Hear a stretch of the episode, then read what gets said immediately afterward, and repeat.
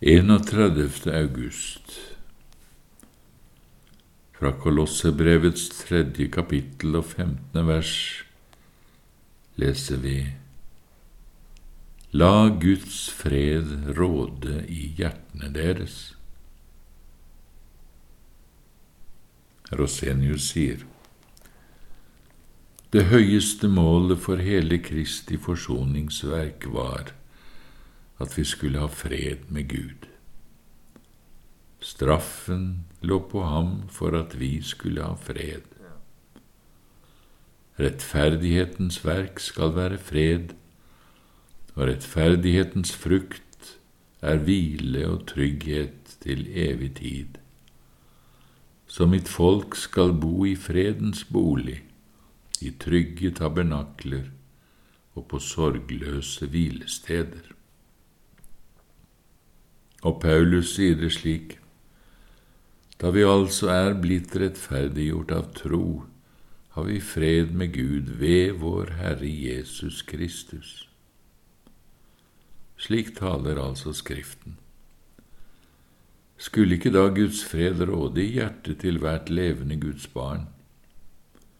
Eller er det ikke sant det Skriften sier, at når vi er blitt rettferdiggjort av, gjort av tro, har vi fred med Gud. Skriften kan ikke lyve.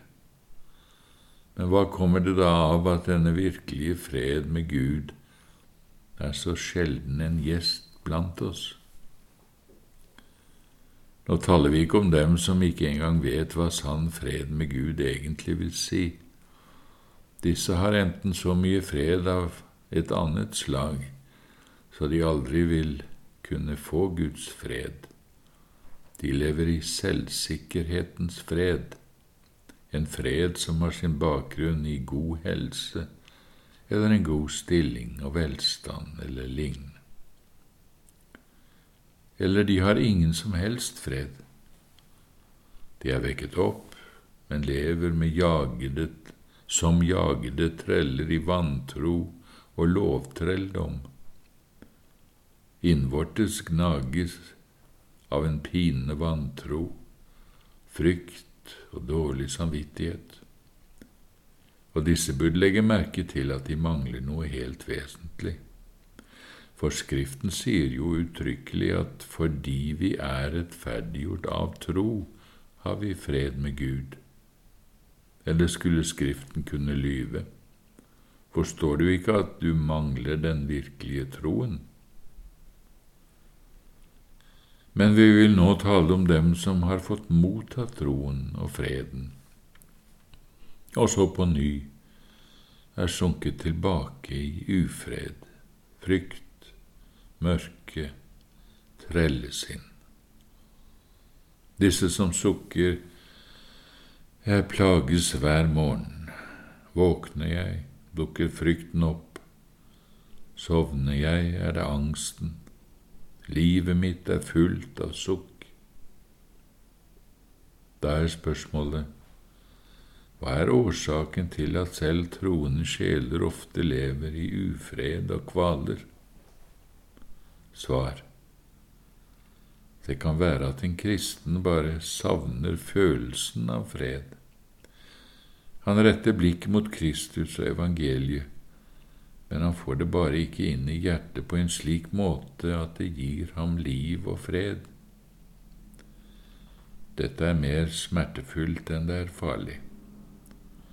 Når bare han gjennom alt dette ennå kan si, Likevel blir jeg, Herre, alltid hos deg.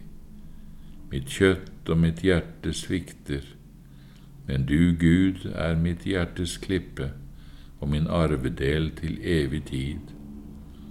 Om du så lar meg vandre i dødsskyggens dal, er du likevel trofast, og alt skjer etter ditt ord. Kan jeg altså fremdeles tale slik med min Gud, da er det ikke farlig. Da fører ikke denne ufreden til åndelig død, men til Guds ære. Da kan det hele bare skyldes at Gud skjuler seg. Det kan være en nødvendig tukt eller en følge av en naturlig svakhet som ikke har noe med din sjel å gjøre. Men hvis en ikke har noe som helst holdepunkt i ordet, og tankene bare farer hit og dit, ser på syndene sine, på hva som kreves av meg, og på hva jeg skal gjøre, ja, da er det fare på ferde. For dette er vantro og trellesinn som kan føre til åndelig død hvis en ikke snart får den rette hjelpen og trøsten. Hva er det nå slike mennesker må gjøre? Ja, først må de holde opp med all sin egen aktivitet. De må la seg dømme for all sin vantro og egenrettferdighet.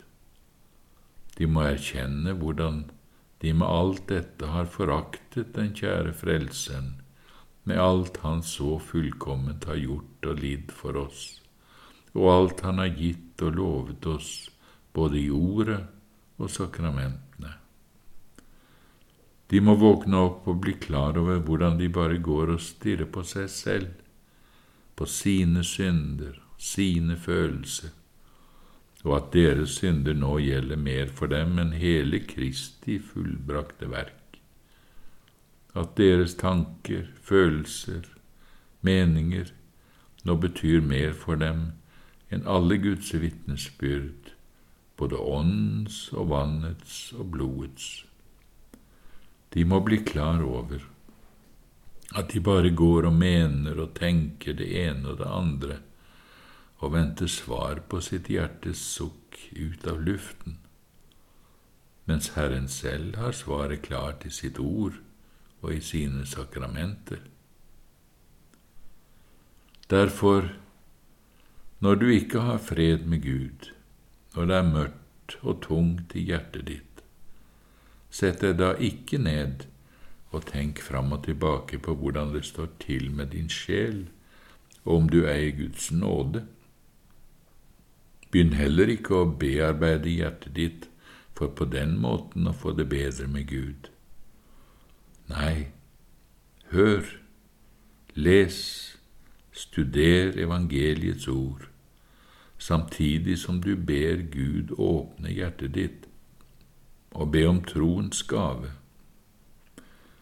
Bare du da får øynene åpnet så du ser Guds herlighet i Hans evangelium, så vil du også få en usigelig stor fred. Det er syndene våre, tvilen på både om vi er rett omvendt og på vår egen oppriktighet, som i størst grad forstyrrer freden og anfekter oss.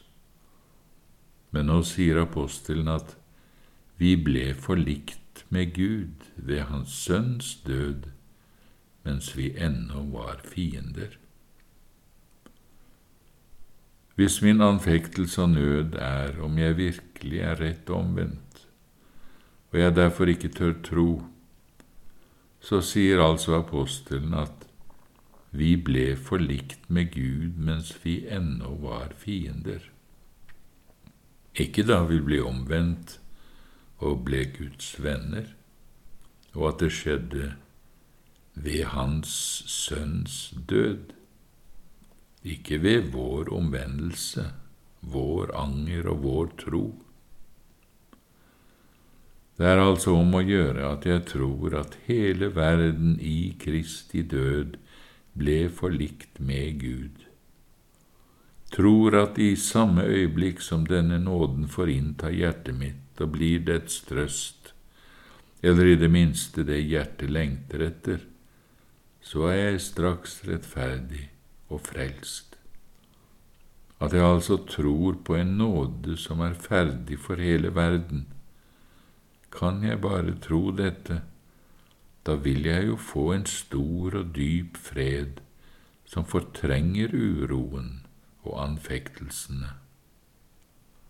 Og når et menneske, hvor anfektelse og tvil har gått både på hans synd og hans omvendelse får denne trøsten, da er det både omvendelse, tro og helliggjørelse av rette slaget.